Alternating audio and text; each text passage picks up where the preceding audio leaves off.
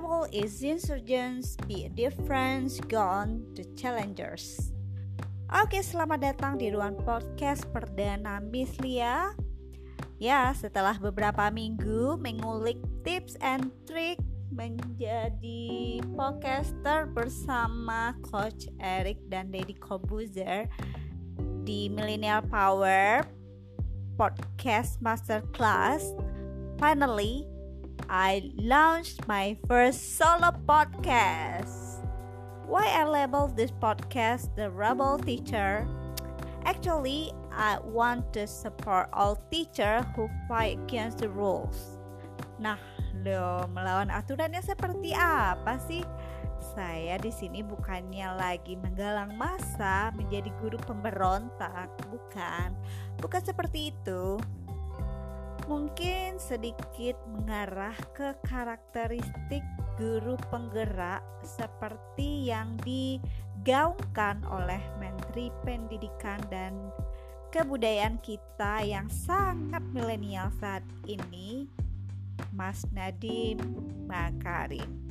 Bahwa guru tidak cukup menjadi guru yang baik dan memiliki kemampuan mengajar, tetapi juga guru yang punya kemampuan berinovasi dan perubahan.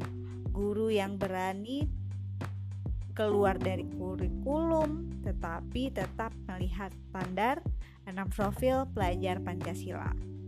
Apa sajakah itu? Pertama, bernalar kritis, mandiri, kreatif, gotong royong, kebinekaan global, dan berakhlak mulia. Apa itu? Enam prinsip pelajar profil pelajar Pancasila bernalar kritis. Di sini para pendidik diharapkan mampu mendorong anak didiknya, ya para peserta didiknya untuk memiliki kemampuan memecahkan masalah. Problem solving. Yang mana ini berhubungan dengan kemampuan kognitif mereka. Jadi anak didik tidak hanya menerima saja tetapi mereka mampu menalar secara kritis sehingga mampu memecahkan masalah itu sendiri. Kemudian mandiri. Di sini anak atau peserta didik mampu secara independen termotivasi meningkatkan kemampuannya, bisa mencari pengetahuan serta termotivasi. Nah, kemudian kreatif. Di sini anak-anak bisa menciptakan hal baru, berinovasi secara mandiri dan mempunyai rasa cinta terhadap kesenian dan budaya ini ya setiap anak itu pasti memiliki potensinya masing-masing. Nah, di mana di sini mereka mampu berkreasi secara mandiri karena kreativitas itu pas tidak bisa tumbuh dengan sendiri saja, melainkan butuh bantuan dan dorongan serta motivasi dari uh, baik itu peserta didik tapi yang baik itu dari pendidik bahkan dengan dari orang tua. Gimana guru perdam guru pertama pendidikan mereka adalah orang tua di rumah. Kemudian gotong royong di sini anak mampu di sini anak memiliki kemampuan berkolaborasi yang merupakan soft skill utama yang terpenting di masa depan agar bisa bekerja secara tim. Nah, ini nih sesuai banget dengan kondisi saat ini. Tidak peduli kamu dari mana, dari iya keluaran produk mana, tetapi yang paling penting itu adalah soft skill yang dimiliki. Karena zaman sekarang yang dituntut adalah itu yang utama dan kemampuan untuk bekerja sama dalam tim. Jadi kesuksesan itu tidak bisa di, dicapai dengan sendirinya, perlu kolaborasi seperti Coach Eric dan Deddy Kobuzer lakukan saat ini. Sangat berhasil sekali menghimpun beribu orang ya untuk menjadi podcaster handal. Kemudian kebinekaan global. Di sini uh, peserta didik mampu mencintai ke keberagaman budaya, agama dan ras di, di negaranya serta dunia, sekaligus menegaskan mereka juga warga global. Maksudnya apa? Jadi di sini anak-anak peserta didik itu di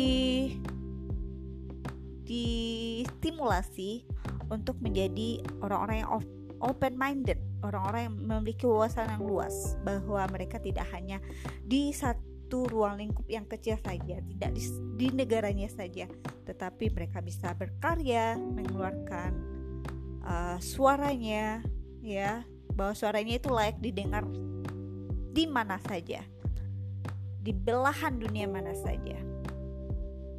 Kemudian ini yang paling penting terakhir berakhlak mulia. Anak didik di sini mampu memahami moralitas, spiritualitas, dan etika berada yang merupakan hasil dari pendidikan karakter.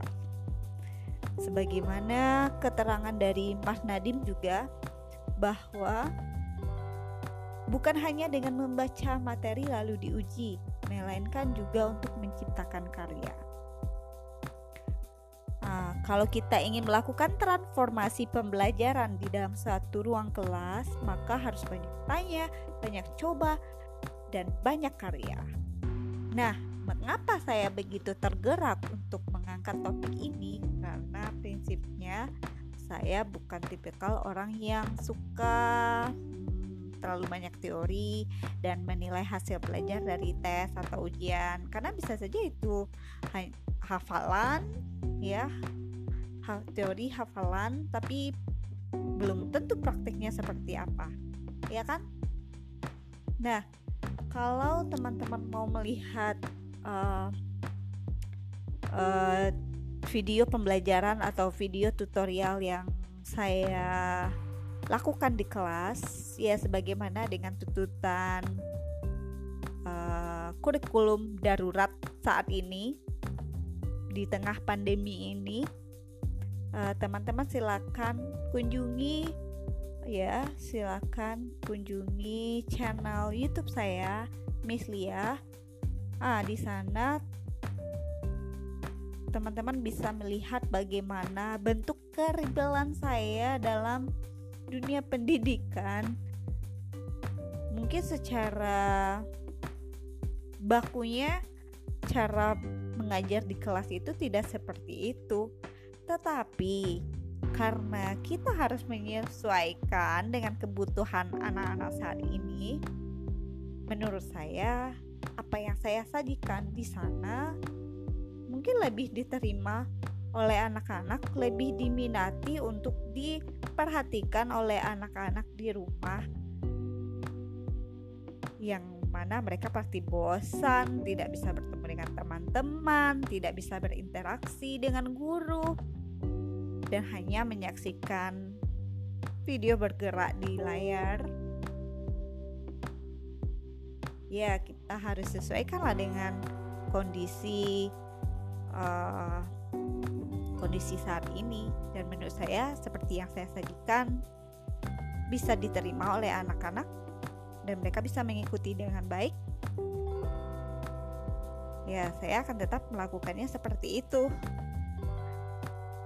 Oke, mungkin cukup sampai di sini cuap-cuap saya di podcast perdana ini supaya para pendengar ya, all the good listener, para pendengar yang bijak tidak bosan mendengarkan saya ngobrol sendirian Mudah-mudahan next time saya punya lebih banyak waktu untuk meluangkan diri menghadirkan teman ngobrol yang lebih asyik yang tak kalah memberontak dari saya dan pastinya tetap mengeluarkan semangat positif dan menjadi motivasi bagi pendidikan yang berinovasi melahirkan anak-anak berkarakter sesuai standar enam profil Pancasila. Jangan lupa review dan subscribe podcast saya. Thanks for listening. Table insurgent be a different. Go on the challengers. Bye. Thank you.